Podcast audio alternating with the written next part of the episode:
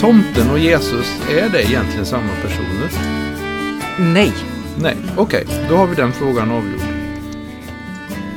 Du lyssnar till Brobyggepodden, en podcast om existentiella frågor och mänskligt liv i vår tid med Per Westblom och Lena Bergström. Ja, hej Lena. Ja, hej Per. Nu är vi, eh, när vi spelar in det här, i, i närheten av jul. Mm. Märks det på något sätt här inne? Ja, inte mycket, men du har lagt en fin röd duk på bordet här som skapar lite julstämning tycker jag. Ja. Jag vet inte om du la märke till skumtomtarna? Ah, ja, nej, jo, det gjorde jag, men eh, de har blivit så liksom självklara i miljön nu så att man märker dem liksom inte riktigt. Nej, de är överallt. De är över.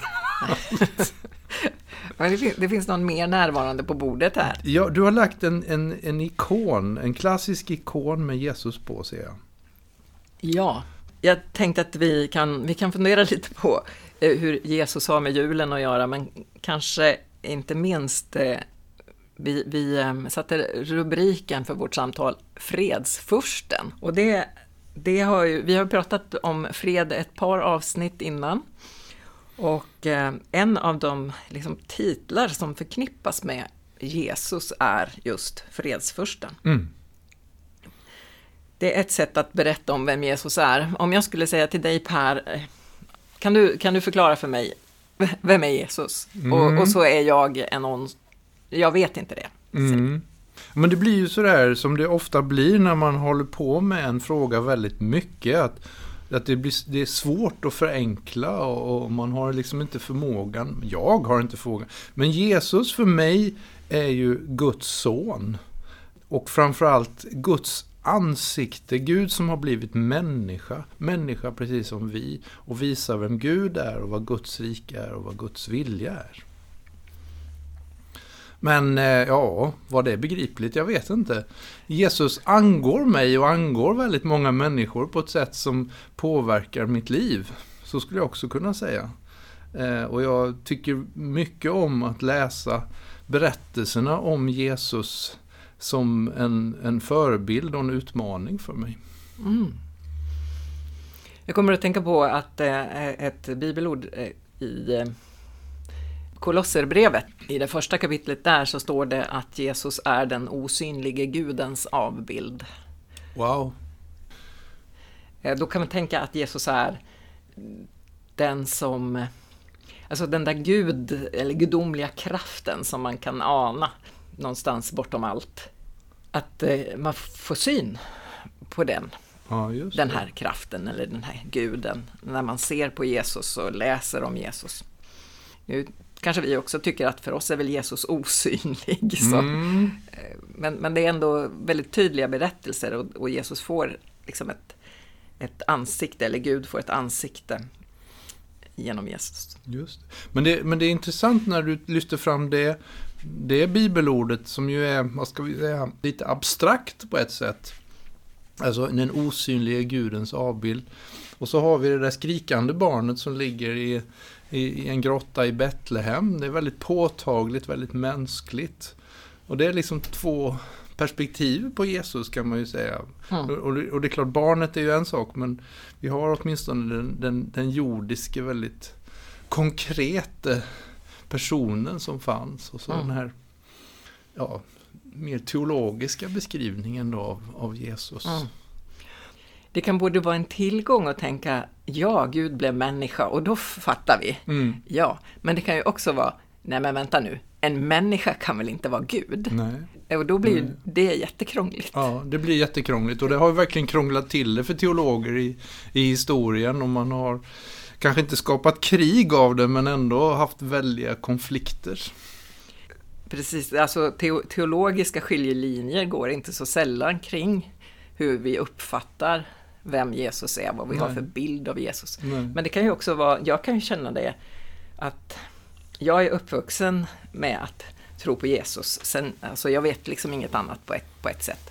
Och, och det gör ju att min, min, min bild av Jesus är väldigt personlig och den, den har liksom utvecklats med mig. eh, När Mm. jag, och, och, och det där att den är så personlig kan ju göra att jag kan bli lite störd. Nej men liksom rör inte min Jesus Mm, så. Just När det. andra beskriver Jesus på något sätt som inte jag riktigt eh, kan relatera till. Your personal Jesus. Ja, förklara.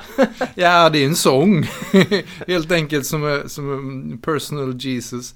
Men, men jag tänker att alla människor har sin personal Jesus. Eh, sen är det ju en, ändå en styrka att det finns liksom en gemensam berättelse eh, i, i Bibeln som i och för sig kan tolkas på många olika sätt och ändå bli personlig. Men, men vi har ändå en, en, en, en konkret utgångspunkt. Mm. Och, och, och, för mig blir det ofta viktigt att återvända just till de här berättelserna om människan Jesus. För det sätter ofta mycket på ända. Ja, När vi håller oss med en abstrakt Jesusbild då kan det nästan bli vad som helst. Men när vi kommer ner till vad, vad Jesus faktiskt sa och gjorde så, mm. så händer någonting väldigt spännande tycker jag ofta i ett samtal. ja. Alltså att vi, vi, vi kan säga att, att ett, ett sätt som, som kyrkan gör, jobb, jobbar med sin Jesusbild Ja. är att hela tiden läsa berättelserna ur evangelierna varje söndag. Mm. Liksom återvända till de Just det. texterna och, och på något sätt får vi hjälp att, att eh, korrigera eller hålla kurs Mm. med de här berättelserna. Eh, Jag tänker ett, ett exempel på det där. Du läste, eller du sa, du läste inte, men, men du, lä, du sa det här ordet fredsfursten. Det är, det är ju en av profetiorna som vi läser vid jul från Jesajas nionde kapitel. Och, och det är ju en jättestark tanke att Jesus kommer med fred. Och så säger Jesus så här, jag tror inte att jag har kommit med fred till jorden. Och det är ett sånt där exempel för mig på hur Jesus ställer allt på ända. Nej, det var inte så enkelt som vi trodde. Eh, då måste vi liksom fundera ett varv till. Alltså han korrigerar våra föreställningar. Mm. Det, det är också något som, som jag tänker att, att det är en del av, av eh, trons liksom, vandring. Ja, det är också så här fikonspråk kanske, men att, att Ja, vad, vad menar du med trons vandring? Ja, men av, av, att, av att tro eh, och att på något sätt utvecklas i sin tro. Ja. Att ens bilder av, av vem Gud är och vem Jesus är, de spricker liksom hela tiden. På grund av vad, hur livet ser ut och Mm. vad man lär Mm. sig eller Mm. eh, är med om och vilka människor man möter. Och så, och så, och så kommer en ny, ny bild fram. Mm. Eh, och, det, och det hör liksom...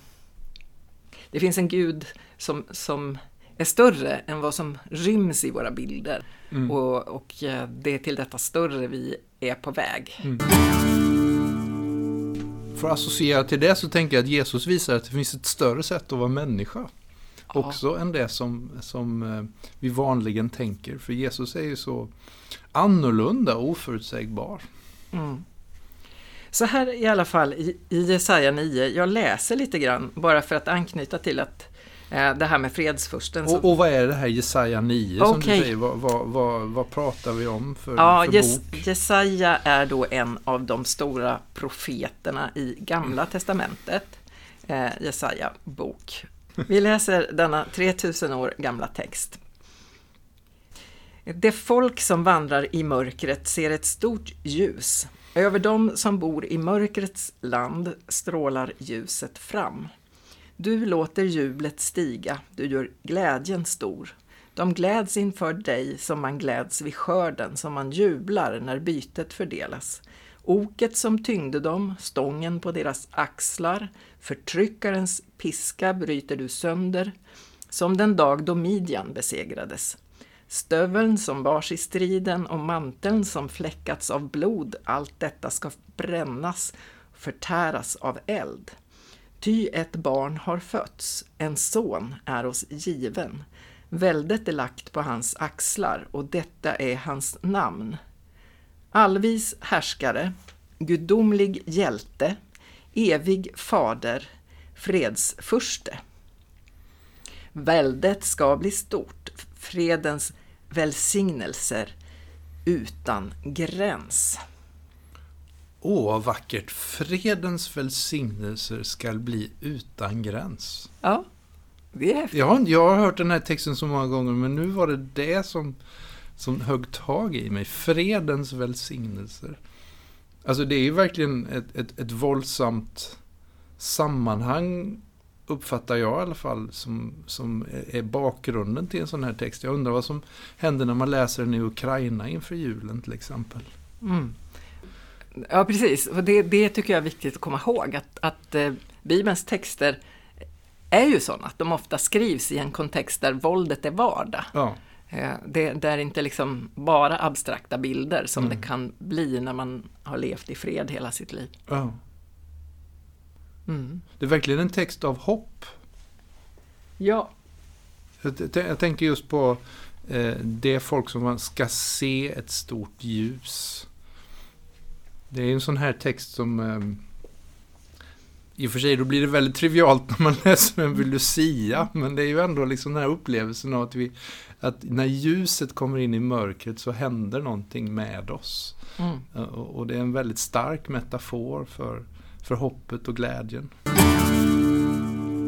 Man, man kan ju tänka att, att, att så här kunde man tala om att det föds en ny tronarvinge och Just att det. det, är en, att det är en bild av, av en kung som regerar i, i, med fred. Liksom. Mm. Mm. Så, att, så det, det kan ju vara en väldigt konkret tolkning av, Mm. Av texten, att man, man längtar efter en och ser framför sig att eh, den, den eh, krigskontext man lever i ska förändras Mm. Mm. eh, genom en ny härskare som, som har en annan eh, som, är, som är utsedd att, eh, eller utvald att regera med fred. Mm. Och det är när, när, eh, när man så småningom kommer att liksom tolka vem Jesus är, Mm. så blir det här en text man återvänder till Mm. och återknyter till. Ja, och det är det som händer under julen, att Mm. Jesus föds, det lilla barnet. En son blir oss given. Och, och det är klart, alltså, kronologin är ju lite knepig i, i våra högtider, men första advent då, då uppmärksammar vi hur Jesus rider in i Jerusalem. Och då var det väl många som tänkte att nu kommer inte bara fredsfursten, utan han som ska eh, lossa det här oket som Mm. man levde under med ockupation och så vidare. Men Jesus går ju inte in i det Nej. riktigt, utan, utan ja, han, han går delvis in i förväntningarna, men delvis gör han det inte alls. Det, det knyter ju an till tanken på en Messias som, som befriar från förtrycket. Då. Mm. Och hela, hela advents så handlar texterna just om att Guds rike kommer, att det är liksom den här befrielsen, det här nya sättet att, att vara människor tillsammans egentligen också. Eh, men också att, att det är liksom Guds det är Guds rike, det är ett, ett annat sorts rike än det vi ser på jorden. Ja, just det. det. Det är lätt att glömma bort att det finns fler adventssöndagar med Mm. fler teman än bara det här Mm. att han Ja, rider in.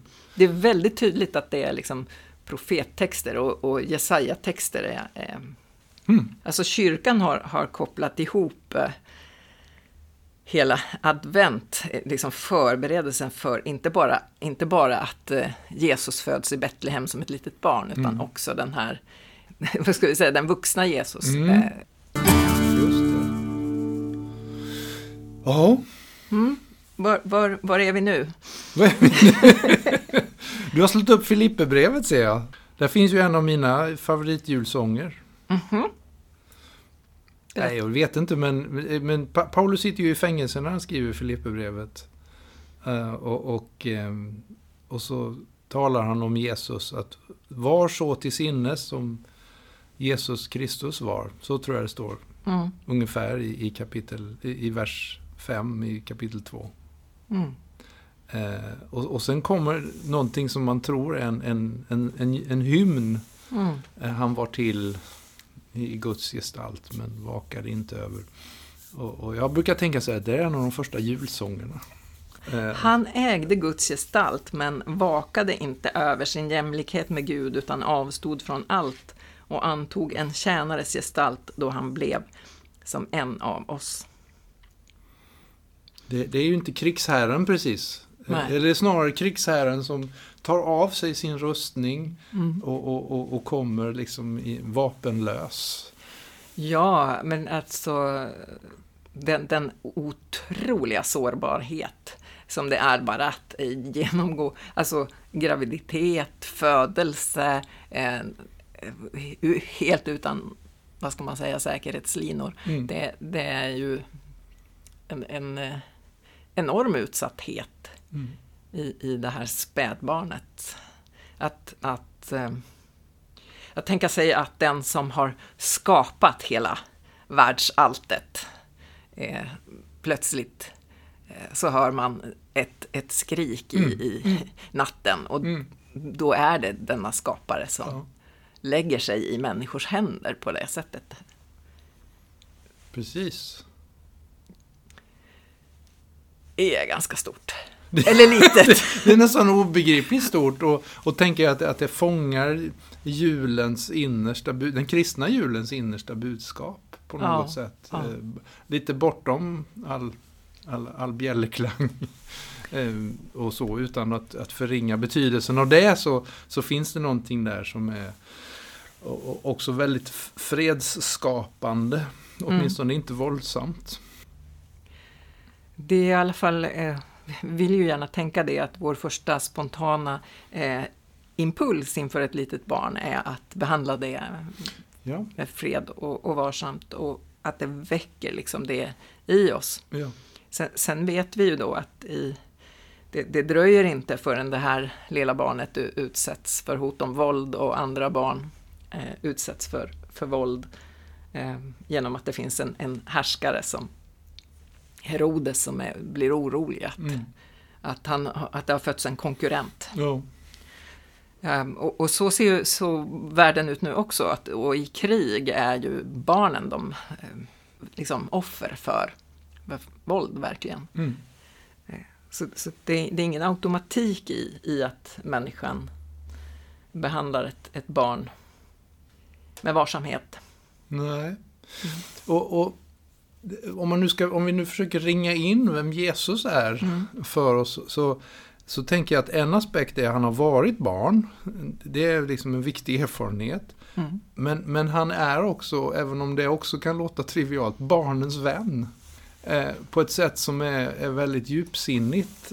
Det ligger liksom i hela hans budskap att han ställer fram barnet som exempel för den vuxne Eh, och, och, när, när lärjungarna strider om vem som är störst och bäst så, så pekar han på att nej, ni ska bli som barn.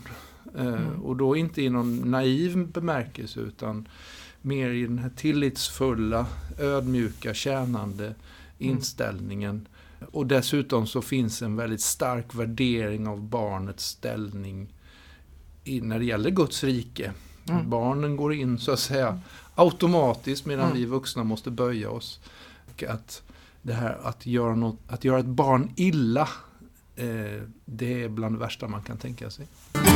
Man kan också säga att Jesus gång på gång är ganska noggrann med att, att placera sig själv längst ner mm. i, i, i liksom olika hierarkier. Och då mm. att, att komma som ett barn är ju är ju det första liksom. Mm. Att, men sen också att, att eh, betona att den som vill vara störst bland er ska vara de andras tjänare och att han också tvättar lärjungarnas fötter mm. eh, som ett exempel. Och sen har han, och jag tänkte en, en Jo, det här att han säger vad ni har gjort mot en av mina minsta har ni gjort mot mig. Mm. Och då handlar det om hur vi behandlar människor som är utsatta, som, mm. som inte har det vi har. Mm. Ja, men ställa den, den bilden mot någon slags eh, triumf-Jesus, konungarnas konung. Eh. Vite Krist. Ja. Det, det, är ju liksom lite den klassiska bilden för den europeiska kolonialistiska Jesus eh, som, som, blev attraktiv för Europas eh, kungar men, men, som kanske inte riktigt rimmar med evangeliernas Jesus. Alla Nej. Gånger. Och det är ju spännande när man ser eh, våra bilder av Jesus. Eh, alltså nu tänker jag på de rent grafiska bilderna. Där blir ju Jesus ganska västerländsk. Mm. Eh, medan vi vet mycket om Jesus, eller vi vet en del saker, men vi vet att han var ju inte i alla fall europe. Nej. Så... Ännu mindre amerikan. Ja. Ja, men vi, återigen då, att man... Jesus blir ju ganska snart en liksom mytisk gestalt Mm. och som, som man använder Mm. som man finner lämpligt. Mm. Eh, eller för, för, till, som ett medel Ja. för sitt eget mål.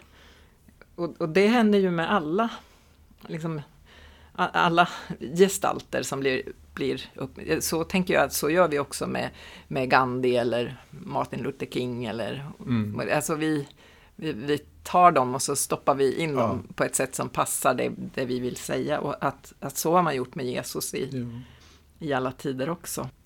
Det lät nästan som en sång du refererade till där, eller? Åh, jag märkte det inte själv. Jo, det finns en jättefin sång av Ylva Eggehorn som heter Innan gryningen. Och, och där, det, så, så kom du då till sist, du var en främling, en mytgestalt som jag har hört talas om. Och, och vi, vi använder dig för alla våra syften, men du gick hela tiden längre ner. Jag citerar den dåligt nu, men det, Ja, ja, men, den uttrycker väldigt fint det du, det du beskriver. mm. eh, om, om, om Jesus som annorlunda och som rör sig åt ett annat håll än vad kyrkan och, och, och politiken ofta velat göra honom till. Mm. Och, det, och det är där någonstans det här att Jesus eh, å ena sidan i sin gestalt och i sitt liv är, är en, en fredsgestalt. Det tycker jag, det vågar jag ju säga. Och samtidigt så säger han det där, tro inte att jag har kommit med fred. Att han, då, då knackar han på, på den där bilden så att den spricker lite.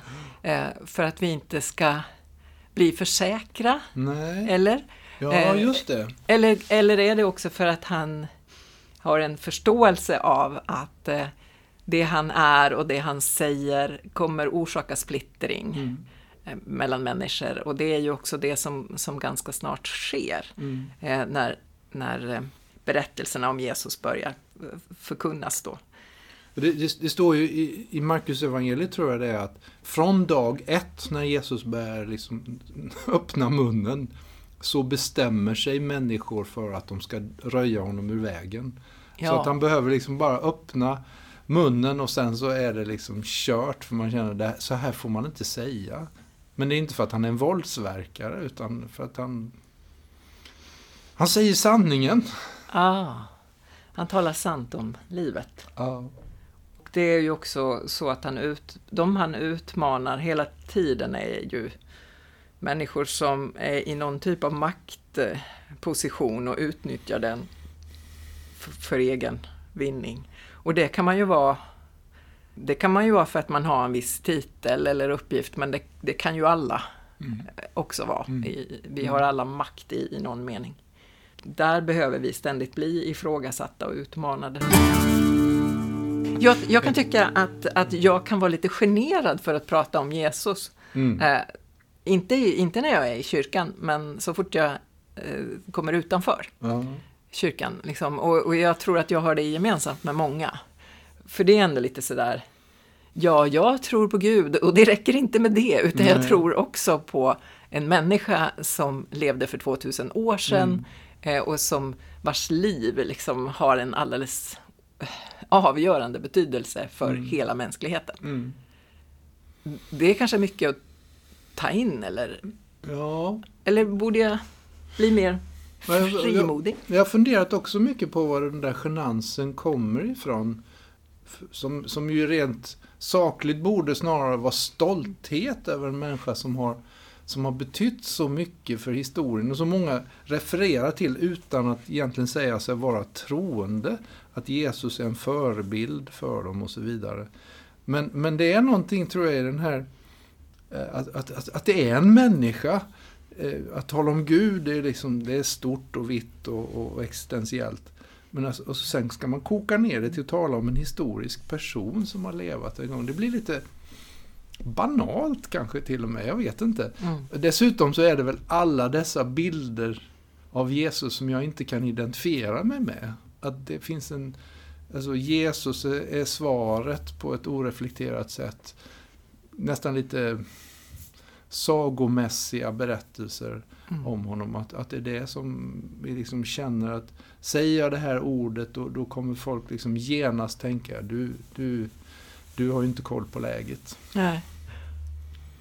Ja, men det, och, och, och samtidigt är ju, är ju min personliga erfarenhet att eh, vid det tillfälle i mitt liv när jag, när jag liksom kände att nej, alltså jag kan inte tro på det här kristna längre. Då upptäckte jag att, att det var Jesus som var helt avgörande Mm. för mig. Mm. Eh, och också en, en slags eh, erfarenhet av, av närvaro. Mm. Mm. Nej men Jesus kan jag inte lämna. Det är en relation som, alltså den relationen är starkare än, än kanske min tro då. Eller, Mm. Oj. ja, den, den, alltså det är inte jag som bär min tro utan min tro. Mm. Eller den här relationen som Mm. bär mig. Och Mm. det får jag ju vara tacksam för. Det är lite så. Just det. Men, men, men, men kan man ha en relation till en historisk person? Det är klart. Jaha.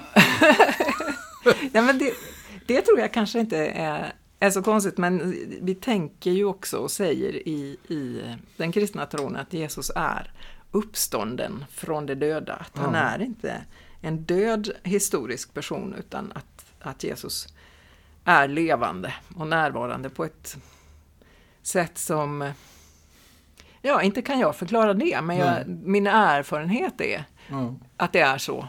Och, och det är också så många människor som, ehm, som kan berätta om att, att eh, mötet med Jesus verkligen har, har liksom skakat om eller förvandlat Mm.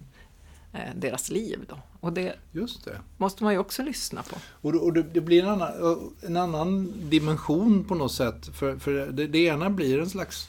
Och jag tycker den är superviktig, den här historiska referensen Mm. till, till en person. Och den kan man ju jämföra med att referera till Gandhi eller Martin Luther King. Mm. Eh, och då kan man ju tycka att de personerna ligger närmare i tid så de har väl kanske mer att säga oss. Men, men det finns ingen som gör anspråk på att de skulle leva idag. Och, eh, men, men, men kanske genansen ligger i också i, i detta att ja, Jesus som historisk person, okej. men du säger att han lever idag Mm. eh, och förvandlar människor. Är det då det blir, är det, då det blir lite genant? Ja. Jag, eh, jag misstänker det. Ja. Eller att det kommer också så... Det kommer så nära. Ehm, mm. I, I vissa sammanhang är- går det väldigt bra att prata Ja, om Jesus som, som levande och närvarande, Ja. även om, om människor inte är med eh, på hela, hela min berättelse. Så- Nej. Men, det, men sen, så- det, det är ju också... Ja, att, att säga, jag, jag tror att Jesus gör all skillnad i hela världen på något sätt. Det, det är ett väldigt anspråk. det är kopiöst. Ja. Eh, och, men, men eh, Och, och det är klart, det, det, är väl många nöjer sig med, med Jesus gör skillnad för mig. ja, Eh, och och, och det, då är vi tillbaka i det här personal Jesus. Jesus har liksom med mig och min personliga privata sfär att göra, men inte så mycket med världen i övrigt egentligen. nej, Men det verkar ju som att, att evangelierna, Jesus och, och Nya Testamentet gör anspråk på att, att det här har faktiskt en, en, en global betydelse. mm. Eh, Och freden är utan gräns och det är Ja. alla... Tillbaka till det där det, när det står i Kolosserbrevet om, om, om den osynlige Gudens avbild. Ty i honom skapades allt i himlen och på jorden, synligt och osynligt, troner och herravälden, härskare och makter. Allt är skapat genom honom och till honom. Han finns före allting och allting hålls samman i honom. Superstora perspektiv. Men, men alltså, nu, nu, vi pratar om Jesus nu alltså i den här texten. Och, och, men det här är Jesus långt före allting annat. Ja. Ja, för det för långt att prata om det då. Men man måste väl det. Eh, Preexistens. Mm, Att Jesus finns som Kristus. En Mm. del vill skilja på det. mm, Att det är Kristus Mm. som är preexistent som, Mm. och som allt hålls samman i. Eh, och, så, och Jesus är ju förknippat då med, med precis den här människan Jesus. mm, mm, Och, och eh, ja, men så kanske Paulus ofta använder det också, Mm. att han använder ord- Kristus Kan du berätta vad Kristus, vad, vad är det? Alltså Kristus är ju det grekiska översättningen av det som i, i judendomen heter Messias. Och som ursprungligen då betyder den smorde. Och det är kungen som är den smorde. Alltså när man utsåg en ny kung så smorde han honom, honom med olja. Eh, och, och att ha en kung var ju egentligen inte någonting som man som var ursprungstanken i Israels folk, utan det var ju en eftergift. Gud skulle vara kung. Men därifrån kom ju längtan efter idealkungen ah. som skulle vara en, en, motsvarande, fast ännu bättre än David som ju är judendomens idealkung. Och, och det blir då Messias. Alltså det ska komma en som, som befriar oss och som sätter allt till rätta, eller hur man nu ska mm. uttrycka det. Det fanns ju många föreställningar om det. Och Jesus går ju in i det, delvis kan man ju säga. Mm. Från ett religionshistoriskt perspektiv. Ja, och, och det, som, det som då blir lite spännande med Jesusbilden där är att då, då kopplas det också ihop med en annan profetia om den lidande tjänaren. Just det. Det, där, det, det hade ingen gjort så tydligt in, innan Jesus. Nej, stämmer. Och det är det som, som när man då ser på, på Jesu död och, och liksom hela den lidandes historien eh, så kopplar man den till, till de profetierna egentligen. Då. Mm. Mm. Jag får intryck när jag läser evangelierna att, att Jesus eh, å ena sidan han har lite kluven inställning till den här Messias eh, bilden. Alltså, han, han, delvis går han in i den och, och, och bekänner sig till den men han, han avvisar de här politiska maktfullkomliga aspekterna av det och, och går hellre in just som du säger i, i, i tjänar tjänarmetaforen. Det är ingen metafor för han är en tjänare mm. men, men det är den bilden som finns. Mm. Vi sa ju det från början att, att Jesus då är en, en avbild av Gud. Mm. Och Jesus i, i Johannes evangeliet så, så skriver Johannes att Jesus säger Eh, den som har sett mig har sett Fadern, mm. alltså Gud. Mm. Det, det, är... Så den bild vi får av Gud som tjänare, som... Det här ska göra någonting med vår gudsbild helt mm. enkelt. Mm. Att vi vill, vi har en tendens att hela tiden, det vanligaste sättet att, att när man ska sådär slarvigt prata om Gud så är det en gubbe på ett moln. Mm.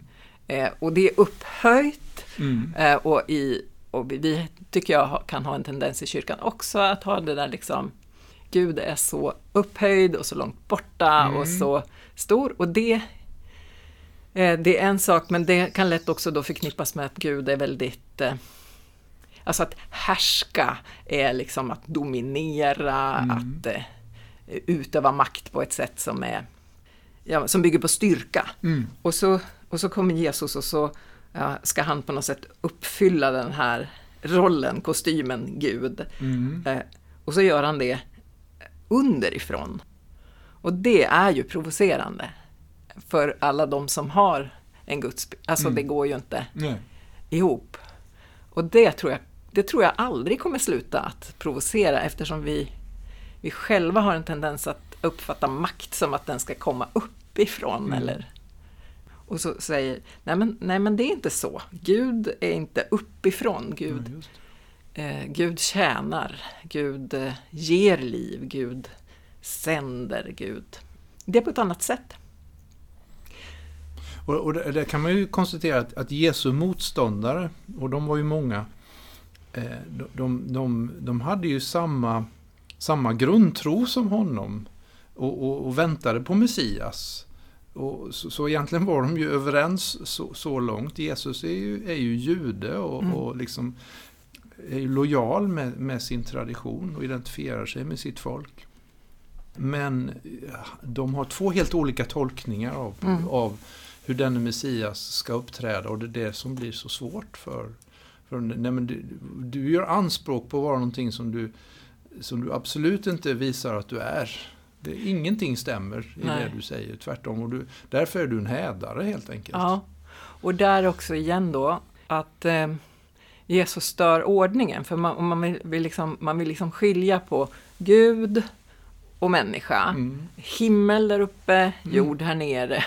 Eller liksom början, slutet. Man skil, det är ordning och reda så. Mm. Och så i Jesus så, så förenas de här. Mm. Nej men Gud, människa, himmel, jord, början och slutet. Mm. Eh, sammanfattas i Jesus som person och de här kategorierna blir Alltså det gör oss osäkra. Mm.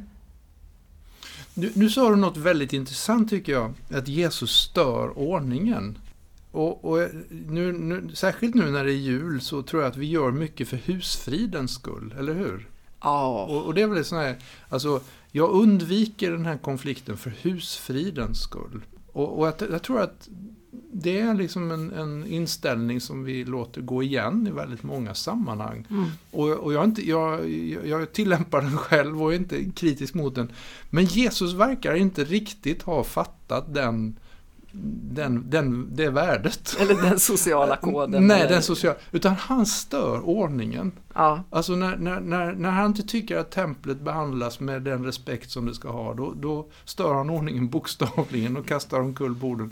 Där kan man väl också liksom känna, fredsfurste, mm, ja, men det verkar som att han har utrymme för en hel del kaos i, i detta också.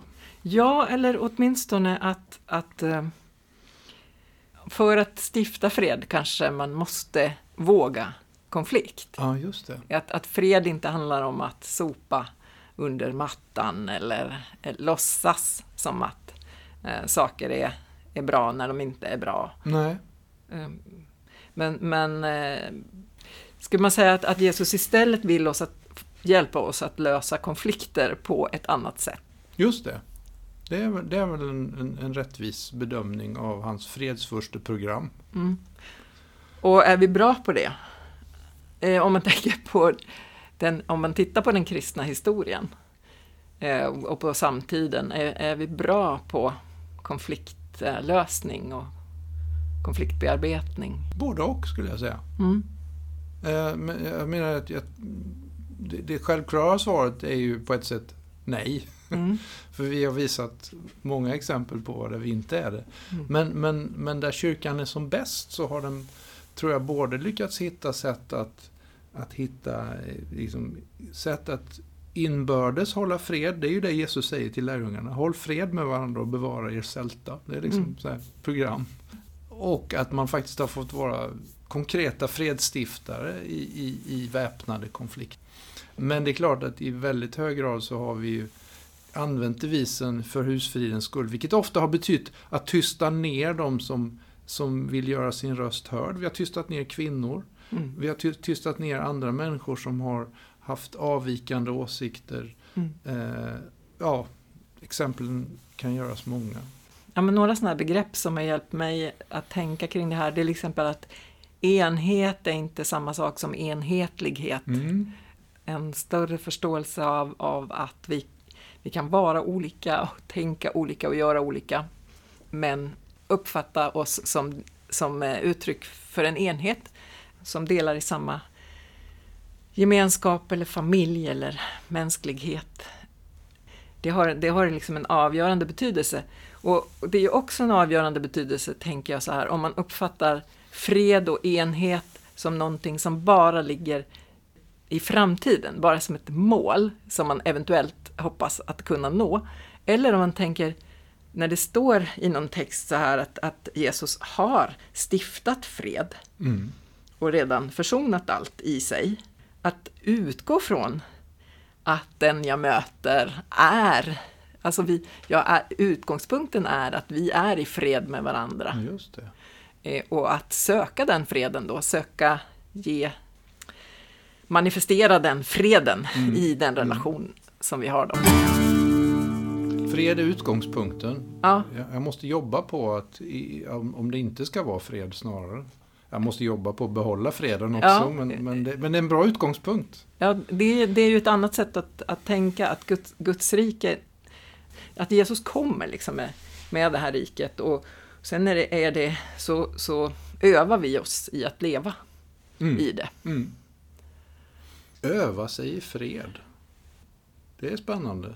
Ja, Jag var, jag var på, eller i mitt, i, i mitt arbete så kom det eh, två personer från kristna fredsrörelsen och, och, och skulle tala om civilkurage. Då fick vi öva oss i civilkurage. Mm. Och det var en slags övning i fred, även om det ibland... Just civilkurage handlar ju om att störa ordningen i en bemärkelse. Alltså, jag går in och, och, och kanske intervenerar på något sätt i en pågående konflikt. intervenerar. Eh, Ja, alltså jag, jag lägger mig i. Jag Ja. lägger näsan i blöt, vilket man ju inte ska göra heller, eller hur? Nej, Men just det är ju ibland helt nödvändigt om inte någon annan ska råka illa ut. Och vi Ja. fick liksom just öva oss i att höja rösten, att, att eh, ge en blick som var viktig.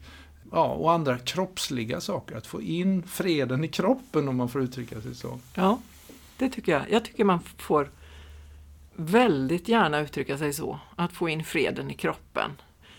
Och, och, och det är ju någonstans det då som, som Jesusgestalten är. En människa med freden i kroppen. Mm. kan man tänka sig. Och att, men när, när vi möter en människa med freden i kroppen så kan det vara ganska provocerande. Mm. Läste du inte någonting där om han har med sin egen kropp? Åh, nu ska vi hitta den här. Kolosserbrevet, eh, stifta fred. Han, eller också hittar jag bara på. Nej, nej, nej. nej men det, ja, men det står här i, i eh, Efesierbrevet. Ja, Han är vår fred. Han är vår fred. Han Punkt. har med sitt liv på jorden gjort de två lägren till ett och rivit skiljemuren, fiendskapen. Han har upphävt lagen med dess bud och stadgar för att i sin person skapa en enda människa av de två, en ny människa och så stifta fred. I en enda kropp försonade han de båda med Gud genom korset då han i sin person dödade fiendskapen. Mhm. Var inte riktigt som jag sa, men kanske ändå åt det hållet. Ja, att, att han med sitt liv och i sin kropp liksom Mm. är fred. Här är det ju också så, så tydligt att nej men det här det, det har redan hänt. Mm. Freden, Mm. freden finns liksom redan i hans person. När, när Jesus säger det här med att tro inte jag kommit med fred utan jag kommer vålla splittring så är ju det också det är ju också sant. Mm. Mm. Det måste sägas. Eh, Det är för att det, det var inte så att Jesus kom, eh, föddes som ett litet barn, alla tyckte det var jättefint och så levde alla lyckliga i, i alla sina dagar. Nej. Det är ju inte den, det är inte en sån saga vi berättar om, om Jesus, utan Jesus föds och så det blir ganska mycket konflikt runt honom, men i, i hans nära omkrets ändå någon slags fredsgemenskap. Mm. Och, så, och så dör han och hans död på korset tolkas som en, en försonande gest, en, eller gest, det är för svagt Mm, uttryck ett tecken. ett tecken. Eh, och, och han uppstår. Och sen lever inte ens de som då är i tron på hans uppståndelse i, i en fredlig miljö, utan förföljs och dödas Mm. för sin tro. Eh, men, men hela tiden i gemenskaper så, så försöker man gestalta den här freden, den här att, att leva tillsammans enligt de, de sätt som, som Jesus har då gett. Och, och så finns det genom hela historien uttryck både för den här fredsgemenskapen och fredslängtan Mm. bland efterföljare till Kristus och det här maktfullkomliga Mm. och Mm. stridslystna. Därför att, därför att freden och evangeliet landar bland människor. Ja, Till det. vilka Gud har behag, eller hur är det? just det. Det? Vänta Som änglasången där Ja, vad sjunger de? Fred på jorden åt människor han har behag. Alltså det, det, det har faktiskt tvistats jättemycket om hur man ska översätta den där änglasången. Det var någon professor som skrev de har sjungit i 2000 år och ändå vet vi fortfarande inte riktigt vad de sjöng. De Eh, sjung, så här står det i, i Bibel 2000. Ära i höjden åt Gud och på jorden fred åt dem han har utvalt. Aj då. Det, åt dem han har utvalt, det är ju Det är snävt. det är väldigt snävt. För det, för det står också åt människor som han älskar. Mm. Finns en sån Mm. översättning? Där man har behag, ja. Och han älskar ju alla människor, läser vi i ett annat bibelrum. Mm. Så att, ehm, Och det är klart att eh, partiell fred är ju, är ju just bara partiell. Alltså så länge det pågår krig i världen så blir ju upplevelsen av fred väldigt mm. eh, otillräcklig. Så allt annat än, än en total fred är ju ett bristtillstånd. Mm. Hur ska du fira fredsfursten när det blir jul? Ja, eh, väldigt traditionellt ska jag säga på en gång. Eh, jag, jag, kommer att, eh, familjen kommer att vara samlad, jag kommer träffa min, min bror. Och, och jag tycker att just den där, eh, vad ska vi kalla det, familjegemenskapen är viktig. Man kan problematisera den jättemycket men, men eh, vi vet att släkt och familjerelationer ibland är det svåraste som finns att hålla mm. fred i. Mm. Och, och, och, att, och, att, få mötas i måltidsgemenskap eh, är någonting viktigt. Jag, jag, jag, tycker väldigt illa om kyrkans moraliserande över andra människors julfirande för allas jul är deras egen. Och det finns, det finns mycket som också är gott i ett, vad ska vi säga, traditionellt julfirande. Men jag vill naturligtvis också uppmärksamma och läsa de här texterna och, och finnas med i, i kyrkans firande av att, att Gud har blivit människa. Eh, så det kommer jag att göra, men det, det blir lite både och. Och du Lena, hur ska du göra? Ja, men det ligger nära det du säger, fira julen tillsammans med vuxna barn med respektive som kommer hem och sådär. En, en, en nära jul. Eh, försöker un, undvika det mest, eh, mest konsumtionsbelastade. Mm, mm. det låter väl finare än det är. Men någonstans så här, det ser julpyntat ut hos oss som mm. hos, hos de flesta med julgran och allting så. Mm. Mm. Jag tycker inte det är en, en motsättning. Eh, så, utan vi, vi, bejakar, vi har så stort behov också av, av ljus och fest. Ja. Eh, och det tänker jag, det, att Jesus kommer ju som, som ett ljus i mörkret. Mm. Och att det har blivit en, en stark sak för mig. att eh, var, var är det ljuset behövs? Ja, inte där det redan lyser, utan Nej. där det, det är mörkt. Och vi, vi behöver föra in fest och ljus och mm. glädje i det mm. som är svårt. Och det är, inte, det är liksom ingen motsats i det. Så därför kan man verkligen fira jul med, med stor glädje och, mm. och liksom festyra. Det ser jag ingen, ingen alls eh, liksom motsättning i. Och samtidigt ta på allvar liksom, att det här är ett, ett starkt budskap till, till världen. Eh, inte minst i en tid eh, där många lever i, i krig och vi har många mm. som lever i Sverige som kommer mm. hit för att mm. det är krig på de platser som, som de eller som har upplevt mm. krig med, med sin egen kropp. Det, det, som, det som tror jag kan göra den här julen, eller som gör den här julen särskild, det är ju att det, det finns många människor i vår omedelbara närhet som lever eh, med mycket mindre resurser Mm. De har gjort det innan också men det har blivit ännu tydligare med den här inflationen mm. och prisökningar och, och, man känner att man har inte råd att ge sina barn alls det som man vill. Mm. Och det tycker jag har blivit tydligt, eh, inte minst genom massmedia, att, att här, här, här, finns det en, en olikhet mellan min jul och många andras jul. Och, mm. och det utmanar eftersom det kommer så nära. Och då finns det ju gott om möjligheter att faktiskt bidra till andras jul genom mm. olika hjälporganisationer. Mm. Det kan vi väl gärna rekommendera att man gör. Absolut. Eh, och, och, och ta, ta, vara på den möjligheten eller, eller eh, olika former av julgemenskap. Eller, men det är ju också, också då viktigt att, att lyfta fram vad julen egentligen mm. handlar om och att den inte att man kan verkligen fira jul med små resurser. Mm. Det skulle Jesus gjort. Mm. Han gjorde det, kan man väl till och med säga. Han gjorde det. Den första julen. Den första julen var inte så resursrik. Nej, men exakt, det är ju det här. Det finns ingen plats för dem i, i härberget. Nej.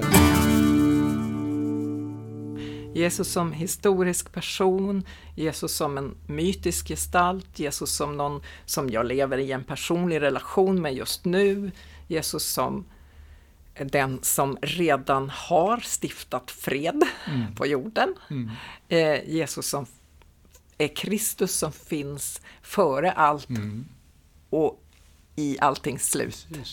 Det, vi har öppnat eh, stora perspektiv och de blir man inte färdig med helt Nej. enkelt. Nu läser jag ur Lukas evangeliets andra kapitel. Vid den tiden utfärdade kejsar Augustus en förordning om att hela världen skulle skattskrivas. Det var den första skattskrivningen och den hölls när Quirinius var ståthållare i Syrien. Alla gick då för att skattskriva sig var och en till sin stad. Och Josef, som genom sin härkomst hörde till Davids hus, begav sig från Nasaret i Galileen upp till Judeen tillsammans med Maria, sin trolovade, som väntade sitt barn. Medan de befann sig där var tiden inne för henne att föda, och hon födde sin son, den förstfödde.